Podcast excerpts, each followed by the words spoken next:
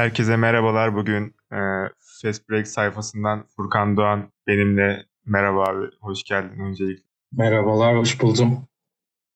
Bugün e, kendisiyle distopyalar, e, bilim kurgu, bağlantılı, bununla bağlantılı şeylerle konuşup biraz bunlar hakkında sohbet edeceğiz. Öncelikle abi sana şunu sorayım. Distopya senin için ne anlama geliyor? Distopya benim için ne anlama geliyor? Yani sonuçta insanoğlu var olduğundan beri aslında distopyada var. Çünkü hayal gücü var olduğundan beri var olması gereken bir şey, beklediğimiz bir şey. Ee, Ütopya ortaya çıktıktan sonra elbette otomatik olarak para olarak distopyada gelişmiştir. Ee, ben daha çok totaliter rejimleri anlatan distopyaları son zamanlarda okuyorum ki genelde bunun hakkında aslında yazılmış. Ee, ya bir şeyleri görmem açısından iyi oluyor. Zaten böyle çok kaygılı bir insanım. Ee, bir şeyler hakkında hiç böyle e, mutlu hissedemiyorum son zamanlarda kendimi. Bu beni daha mı mutsuz yapıyor distopya okumak? Yo hayır. Ee, bazı şeylerle yüzleşmek aslında daha rahatlatıyor beni. Benim için bir rahatlatma aracı aslında distopya. Distopyanın hani gerçekleşmesi bazıları gerçekleşmesinin imkansız olduğunu düşünüyor ama ben bence gayet mantıklı ve geleceğe yönelik gerçek şeyler buluyorum. Mesela 1984 olsun, e, Dune evreni olsun. Belki de günümüz geleceğimiz hakkında çok keskin bilgiler ya da öngörüler sunuyor. Sence de öyle mi? Bence de öyle. Ee, hatta geçmiş hakkında bile inanılmaz şeyler sunuyor. Fakat şu noktada e, birazcık şeye ben e, gıcık oluyorum mu diyeyim ne diyeyim. Bazı insanlar distopya okuduktan sonra böyle şey diyorlar geri zekalı tutturamamış tarihini falan diyorlar böyle. Aslında distopyanın amacı bu değil bence. Yani birileri böyle çıkıp e, tarih tutturmak gibi bir kaygısı yok. O zaman bu komple teorisine giriyor birazcık. E, yani orada insanlar bir şeyler anlatmaya çalışmışlar. Herhangi bir tahmin, bir hmm, nasıl denir büyücülük olayı yok yani orada. Space Odyssey'de bile 2001 tarihini Stanley Kubrick ve Clark şeyle yani orada bir tahmin amacı yürüterek koymuyorlar. Birazcık zorunluluktan koyuyorlar. Hani çok uçmayalım biz tarih olarak. Çok uçarsak insanlar çok yabancı kalır. Çok da geri gitmeyelim. Olması imkansız görünür diye. E, distopyalar evet benim için de böyle olabilecek şeyler zaten ki çoğu da olmuş ve oluyor. Son zamanlarda okuduğun distopyalar örnekleri neler ya da izlediğinde olabilir? Son zamanlarda e, en son Yevgeni Zamyatin'in Biz kitabını okudum. E, tabii çok bilindik. E, yani diğer distopyalara oranla aralarında en sevdiğim oldu diyebilirim. Çünkü distopyalar birazcık sanrılı yazımlardır yani böyle e, kendinden geç, geçmiş bir karakteri anlatır. Bu Biz kitabındaki karakter tamamen kendinden geçmişti ve diğer distopyalardaki karakterlerin tersine onlar birazcık böyle işte hemen e, aa bak dünyada kötü şeyler oluyor hadi ben buna karşı çıkayım meselesiyle direkt giriş yapan karakterler. Biz kitabındaki D503 hiçbir şekilde kabullenmiyor. Hayır e, devletimiz iyidir, devletimiz güzeldir diye devam ettiği için bir şeyler daha sert geliyor. Onun dışında Cormac McCarthy'nin Yol kitabını okudum. O çok aslında insanlar tarafından distopya olarak görülmüyor sanırım. Fakat o da bir postapokaliptik e, evrende geçiyor. Bir baba ve oğlunun hikayesini anlatıyor. O da çok iyi bir distopyaydı bence. Sebebini anlatmıyor hiçbir şekilde. Neden dünya bu hale geldi, neden e, neler oldu, neden her yer yandı, bitti, kül oldu. Bunları anlatmamasına rağmen bence çok iyi mesajlar barındırıyordu. E, onun dışında Kızıl Veba'yı okudum. Kızıl Veba'da birazcık gelecek öngörüsü. Son zaman zaten daha çok distopya okuyorum diyebilirim. Ben de biraz fark edip çakınca buradan bir sorayım dedim. Aynen ya belli oluyordur. Şey yaptım böyle hani yeni bir oyuncak alır çocuk da herkese anlatır ya birazcık onun gibiyim son zamanlarda distopyalar hakkında. Biraz bu distopyanın sinema dünyasına işlenişinden de bahsetmek istiyorum. Benim e, bunu en çok iyi yaptığını ya da bu tarz benzer yaptığını gördüğüm yönetmen Kubrick sanırım. evet. Bayağı iyi yapıyor yani. 2001 ee, olsun, otomatik portakal sayılıyorsa ki biraz sayılıyor olabilir. Çünkü farklı bir dünyadan bahsediyor. Her şeyin değiştiği evet, evet. olabilir. Senin izlediğin kült film bunlardan başka illaki vardır. Bana nazaran daha çok. Şu anda hatırlamaya çalışıyorum. Dediğin gibi Otomatik Portakal bence direkt net bir distopya. Yani insanların bozulması ve bir şekilde tekrar geri döndürülmeye çalışmasının hikayesi bence çok net bir distopya. Ya çok iyi örnekleri olduğunu düşünmüyorum ben sinemada distopyanın. Çünkü çok aslında metafora dayalı kitaplar bunlar. İşte Ray Bradbury'nin Fahrenheit'ının filmi falan çok alay konusu olmuştu yakın dönemde hatırlarsın. Bayağı bir kötü eleştiriler almıştı. Onun dışında Biz kitabının henüz film uyarlamasını izlemedim ve birazcık korkuyorum. Çünkü o da çok metafora dayalı ve inanılmaz bir ev, evren var orada. Yaratılması çok zor bir evren. Filmi de çok eski. Bir yandan e, bence şunu yanlış anlıyorlar sinemada. Hani gelecek distopyalar falan deyince hemen bir tarih algısı ve etrafta uçan kaçan bir sürü nesne, çok yabancı olduğumuz bir evren bizi karşılıyor. Fakat mesela biz kitabını okurken şunu hissettim. Yazar pek de bunu düşünmemiş. Yazar aslında günümüzü resmetmiş aklında ve buna dair bir evren oluşturmuş. Yani etrafta böyle uçan kaçan arabalar falan yok. Birazcık bunu bence yanlış yapıyorlar sinemada. Ee, onun dışında çok da gerçekten iyi örneklerini izlemedim diyebilirim ya. Bir de kitaptan filme güzel uyarlama bile zahmetli işken bir de böyle ince şeyler uyarlamak birazcık daha sıkıntılı oluyor yorumlamak. Evet evet 2001 e, Uzay Destanı'nın iyi olmasının sebebi de aslında filmin ikisinin paralel olarak gelişmesi. Yani kitapla birlikte Clark ve Kubrick diyor ki biz bir e, iş yapalım birlikte. Sen kitabını yaz ben filmini yapayım. Hatta filmi daha önce çıkartalım biz diyorlar. Orada da birazcık kendi birbirlerini serbest bıraktıkları için ve hem görsel olarak hem de yazılı olarak düşünebildikleri için paralel olarak iyi oluyor bu film bir noktada. Yoksa gerçekten kitaptan filme dönüştürmek çok çok zor. Peki her bilim kurguda kitap, film hiç fark etmez. Sence bir distopya, ütopya kavramı var mıdır? Yani ideal dünya ya da kötü kabaca tabiriyle kötü yer anlatımı var mıdır sence yoksa bunlardan farklı bir şey işlenebilir mi? Bunlardan farklı bir şey bence işlenebilir ama çok işlememişler sanırım. Bilim kurgu deyince insanların aklı direkt iyi veya kötüye gidiyor. Yani küçüklüğümde hatırlıyorum Mars Attacks diye bir film vardı. Benim için böyle bilim kurgu sinemasının ilk örneklerinden biriydi. Sürekli olarak Show falan basardı filmi attı sonları. Ee, tamamen komedi üzerineydi. Aslında komedi üzerine bir bilim kurguydu. Gerçi benim için daha çok korku gibiydi. Çocukken çok anlamadığım için. Marslılar geliyordu. insanlarla iletişim kurmaya çalışıyordu. Ve sonra e, kuramayınca komik bir şekilde insanları perişan ediyorlardı ve bitiyordu film bir noktada. Yani bence yapılabilir. Her zaman bir mesaj kaygısı olmamalı ki örnekleri de var aslında. En son Orion mıydı dizinin adı? Orion dizisi sanırım tamamen bir şeydi. Komedi dizisiydi. Star Trek'in bazı bölümleri tamamen böyle biz bilim kurgu patlatalım hani insanlar eğlensin, gülsün etsin, kapatalım ama Star Trek'te genel olarak bir e, anlatı var orada sorunlara dair. Ama bence yapılabilir. Yapılan örnekleri de var. Benim aklıma sanki ilk başta Inception geliyor çünkü direkt gelecek günümüzle ilgileniyordu ve bilim kurgunun farklı dallarıyla ilgileniyordu. Benim aklıma şu an ilk o geldi. Hiçbir evet, evet. şey olamayan. E, günümüzde hmm, popülaritesi yakın zamanda yüksek olan kitap olarak Açlık Oyunları vardı. O da bir distopya sayılabilir.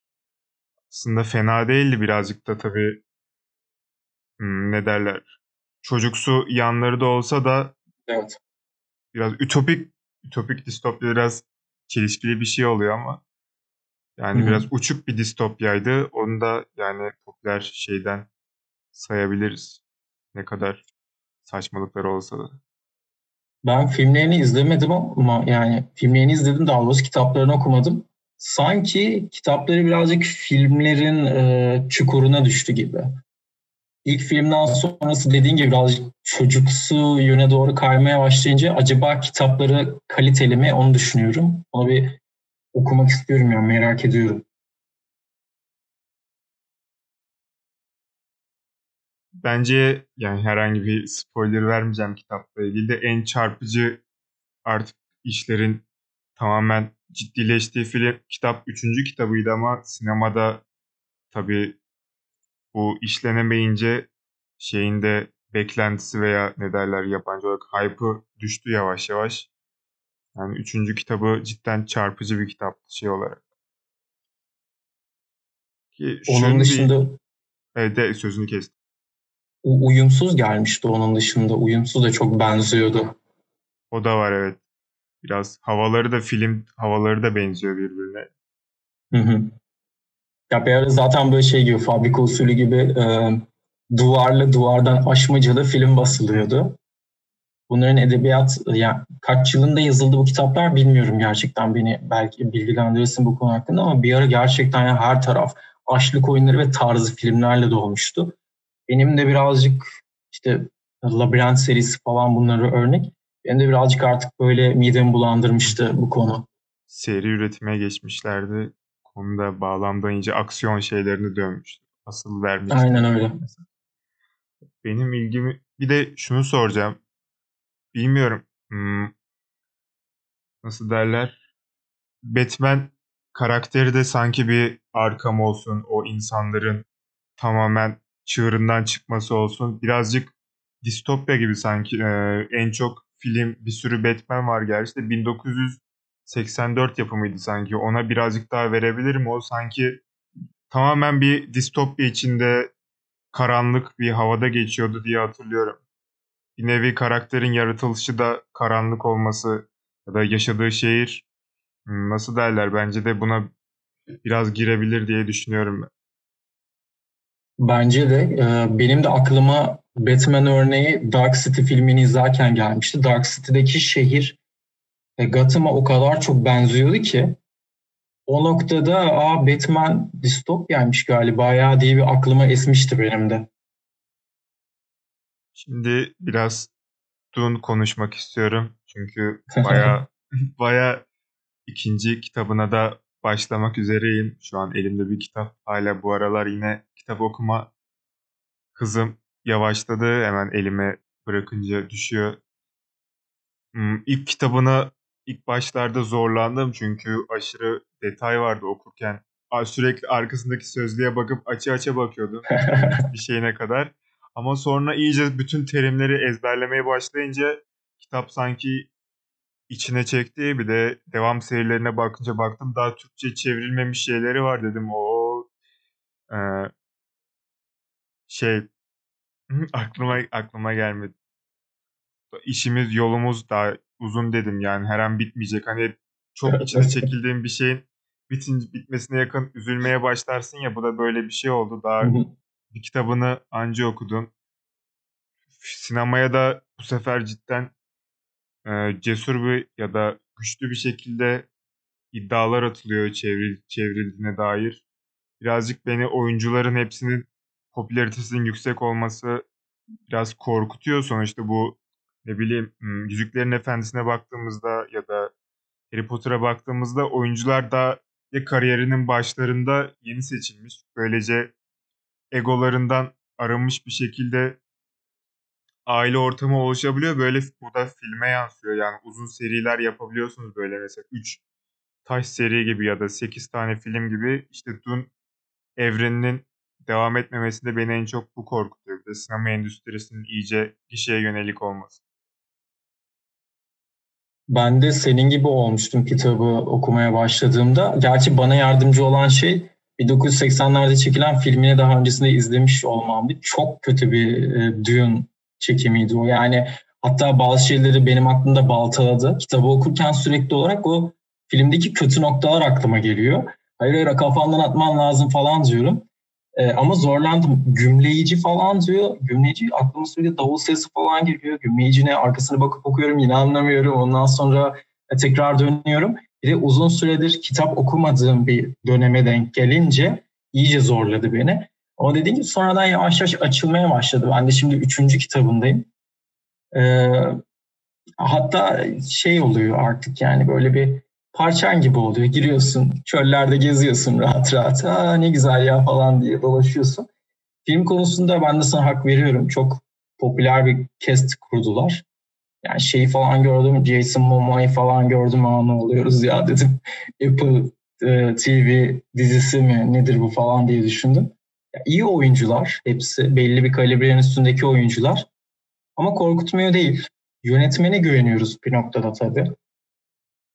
Çünkü hani tam onun için Villeneuve deyince benim aklıma Blade Runner'dan biliyoruz zaten turuncu renk geliyor. turuncu renkleri çok iyi kullanan bir adam. Direkt bu noktada zaten Aa, evet hadi Dune serisini buna verelim diyebiliyorsun.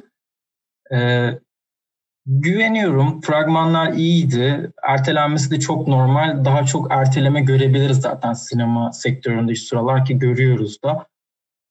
Ya bilemiyorum. Birazcık korkmama rağmen ümitliyim. Gelsin, izleyelim. Kötüyse de kötü deriz. Gene de Dune filmi görmüşüz yüksek prodüksiyonlu. Her, sana yine her şeyi eleştiren adam damgası gelebilir. Doğru ya. Ya sevdiklerimi de görün. Lütfen. Bazı şeyleri de seviyorum ben. Biraz kitabı kitabını hmm, bir, bir sürü mesaj, sembol içeriyordu. Din olsun, yönetimsel ya da siyasi şeyler olsun. Biraz senden dinlemek isterim bu kısmı. Din konusunda benim çok ilgimi çekti çünkü e, Orta Doğu'da yayılıyor aslında dinlerin çoğu. Böyle bir gerçek var. Bildiğimiz dinlerin çoğu Orta Doğu'dan çıkmış dinler. Ve birazcık İslam'dan alıntılanmış e, bir kitap aslında. Bunu kendisi de söylüyor. E, işte peygamberin doğuşu, orada çöldeki yaşam tarzı, bir bilim kurgudan istenen şeylerin çok üzerinde bir siyasal yapı var. Sürekli bir siyasal analiz içeriyor. Ya bir Messi hikayesi en başında ama bir Messi hikayesinin içine bilim kurguyu yedirebilmek bence çok mantıklı ve akıllıca bir şey. Bu yüzden ben Dune'u çok sevdim. Fakat ikinci ve üçüncü kitaplarda o Messi hikayesinden çıktıktan sonra çok daha büyüyor olay. Ben biraz şeyden korkmuştum. İşte dinlediğim bir yayıncı bahsetmişti bundan. Bir ve ikinci kitaplar iyidir. 3, 4, 5, 6 artık birazcık ıvır zıvıra kayıyor. Çok da eğlenceli değil demişti. Ama ben hala eğleniyorum. Kitap hakkında çıkarım yapmayı da çok seviyorum. Bir alıntı vardı bununla ilgili kitaptan. Dinin kurallar ve kalıplarla öğretilmesinin büyük ölçüde sahtekarlık olduğunu herkes anlamalıdır diye. Şimdi yine şey yemeyeyim, şekilde insana tepki gelmesi ama benim birazcık din görüşüme de çok benzeyen bir nokta bu. Ritüeller falan benim için çok da gerçekçi şeyler değil açıkçası. Ee, o yüzden okumak benim için çok daha keyifli oldu kitabı ya. Ben de seninle bu konuda aynı fikirdeyim. Özellikle dediğin alıntıyı ben de altını çizmiştim. Yani kitabın üstüne değil de bir yere yazdım. Peki günümüz Blade Runner dedik. Blade Runner eski filmini çok o zamanlar ne bileyim yaşım daha o şeyde değildi. Öyle bir şekilde izlemiştim de yeni filmindeki teknik olarak o havadan yansıtılması cidden bütün bilmem kaç günümüzden 25-30 yıl sonrasının e, yansıtılması bayağı iyiydi. Ben cidden eskiden öyle bir şey hayal ederdim ama şu an sanki artık o yıllara yaklaştıkça böyle bir dünya bir anda mümkün değil gibi ama bana 8-10 yıl önce sorsaydın kesinlikle 2060-70'leri öyle bir şekilde hayal ederdim. Kesinlikle bir de iki taraflı bir dünya ya Blade Runner. Ya bir tarafta böyle inanılmaz gelişmiş şehirler var, bir tarafta çöl var, hiçbir şey yok, boşluk içerisinde her şey yanıp bitmiş. Ee, iki taraflı bir bakış açısı var. Ben biraz daha geleceği senin dediğin gibi gri görüyorum. Birazcık metalleşmeye başlamak e, derler ya. Birazcık metalimsi görüyorum geleceği. Blade Runner evreni gibi çok görmüyorum. Şehirleri öyle tamam şehirler çok güzel resmedilmiş. E, fakat ben de öyle çok e, senin dediğine katılıyorum yani. Peki biz okuduğun bilim kurgu ya da distopya kitapları ya da filmlerinden hangisini dünyanın gerçek e, geleceğine daha yakın görüyorsun? Yani okurken gelecekte biz cidden böyle olabiliriz dedim ya da izlerken. Hmm. Kızıl ve Bağ kitabını söyleyebilirim Jack London'ın. Ee, yani şu anda pandeminin de etkisiyle aslında bence e, hastalıkların sonunu getireceği bir ırkız biz, e, yaşam türüyüz. Kızıl Veba kitabında da yaşlı bir adamın sahil kenarında hayatta kalmış tek tük gençle birlikte sohbet etmesini orada e, okuyoruz. Çocuklar tabii ki inanmıyorlar adama. Ya olur mu öyle şey hani ne sabunu sabun diye bir şeyim varmış falan kafasına gelmişler artık. O kadar unutmuşlar.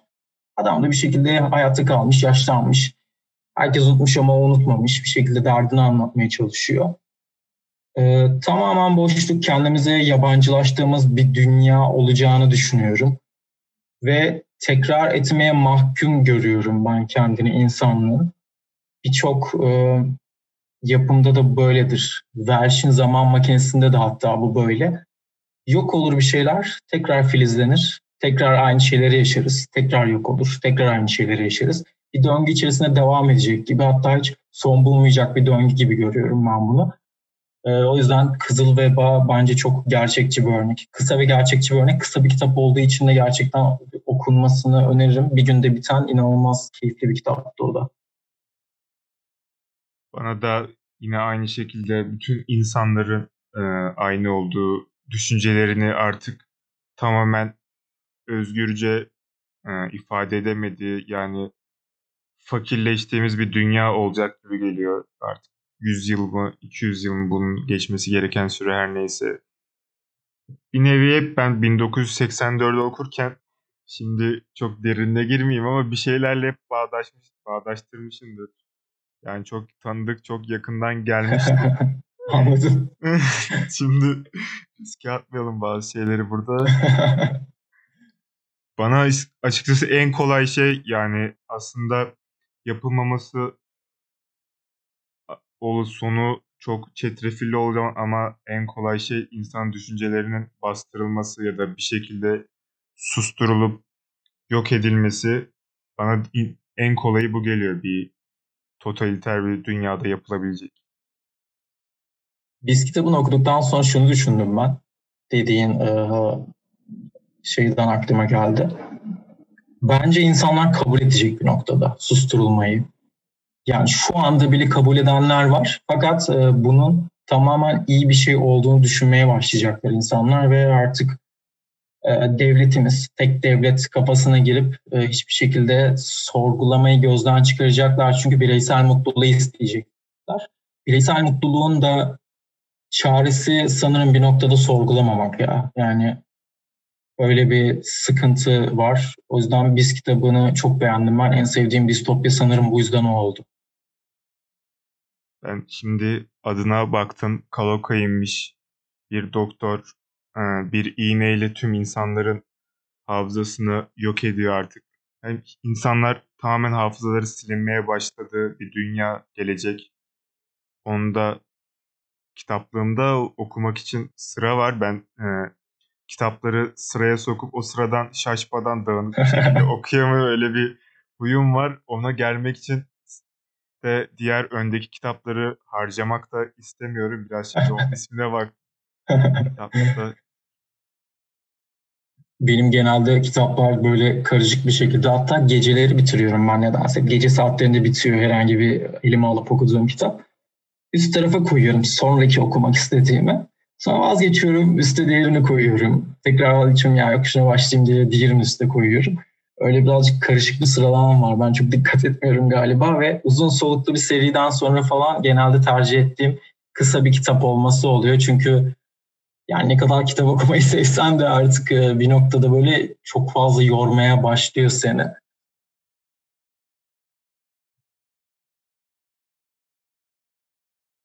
Bir de feminen distopyalar var artık.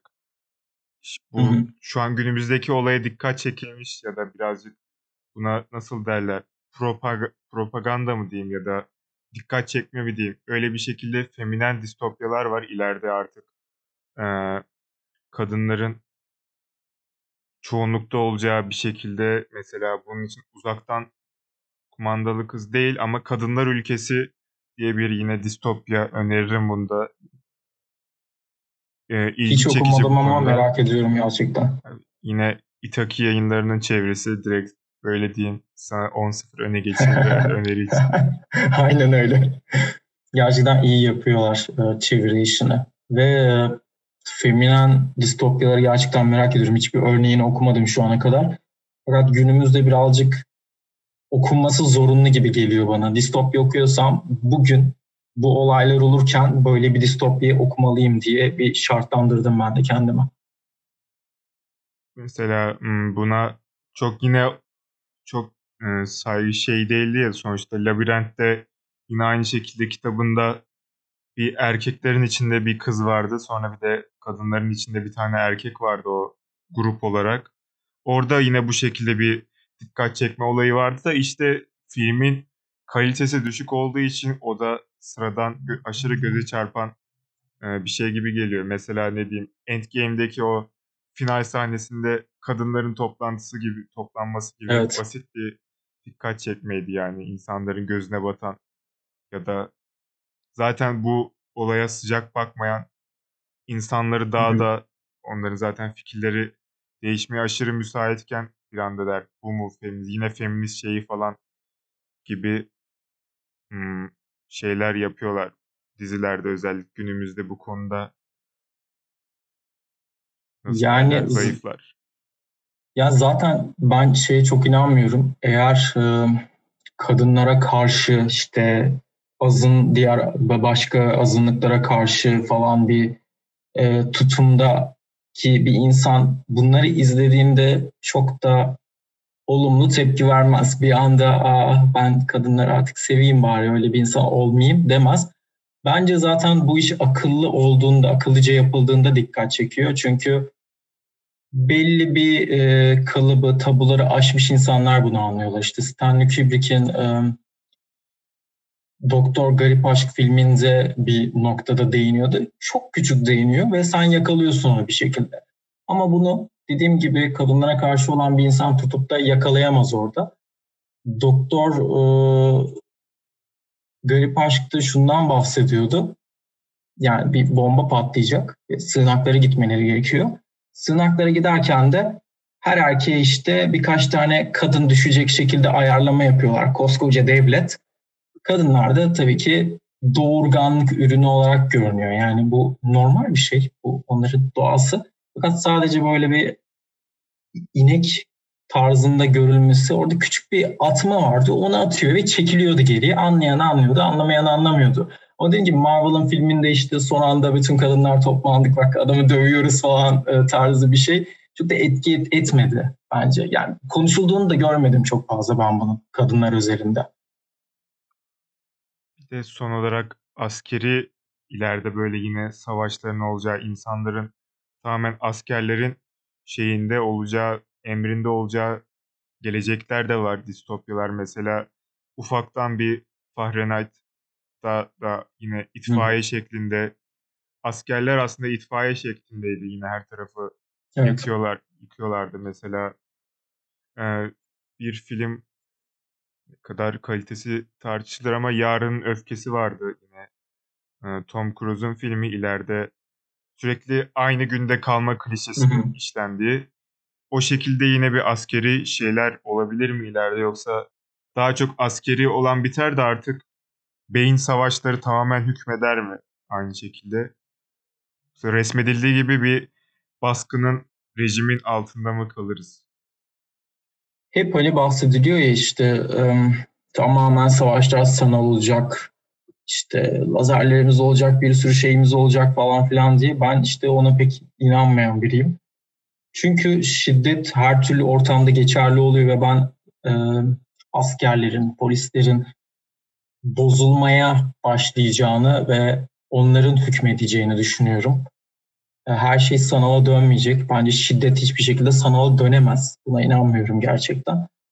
E, v kitabında da benzer bir konu vardı. Yani herkes şeffaf evlerde yaşıyor ve sokakta bir nevi bekçiler var, muhafızlar var. Muhafızların emri altında. İşler çok gelişse bile bence hep bir insan kontrolü olacak, bir insan şiddet baskısı olacak. Tanklar, tüfekler hep olacak gibi mi geliyor? Yani çok öyle ben bunda ütopik düşünemiyorum. İleriye e, kaç kaçık bir şekilde düşünemiyorum. Aman abi benim diyeceklerim, soracaklarım bu kadardı. Yine 30 dakikayı cidden yemişiz güzel bir şekilde. Hiç fark etmedim cidden bu arada gerçekten. Öyle her gelen buraya bunu diyor endişeyle geliyor. bir de yani sevdiğin konuda konuşunca cidden hiç fark etmiyorsun böyle. Oh be yeri geldi konuşayım diye konuşuyorsun güzel güzel. Senin söylemek, eklemek istediğin bir şey varsa ee, yani çok kitap tükettiğim bir zamandayım böyle. Ee, görece çok kitap tükettiğim zamanlar. İnsanlar bazıları günde 3-4 kitap bitirenler var. Onlara çok şaşırıyorum bu tempoyu nasıl yakaladıklarına. Ee, kötü kötü dönemler ya bu dönemler. Ee, o yüzden bilmiyorum bir şeyler okuyarak falan zaman geçirmek, farkına varmak güzel. Teşekkür ederim e, beni davet ettiğin için. Ben teşekkür ederim. Epey keyif aldım gerçekten. Dediğim gibi zaman nasıl geçti anlamadım. Ee, bu kadar söyleyeceklerim. Keyifliydi. Teşekkürler. O zaman ben de seni uğurlayayım. Kendimi de uğurlayayım. Tüm dinleyenler, buraya kadar gelenler de umarım bir şeyler kazanmıştır ya da zevkle dinletebilmişizdir. Herkese iyi günler dileyim. Ben de tekrar teşekkür ederim geldiğiniz için. İyi günler ben teşekkür ederim.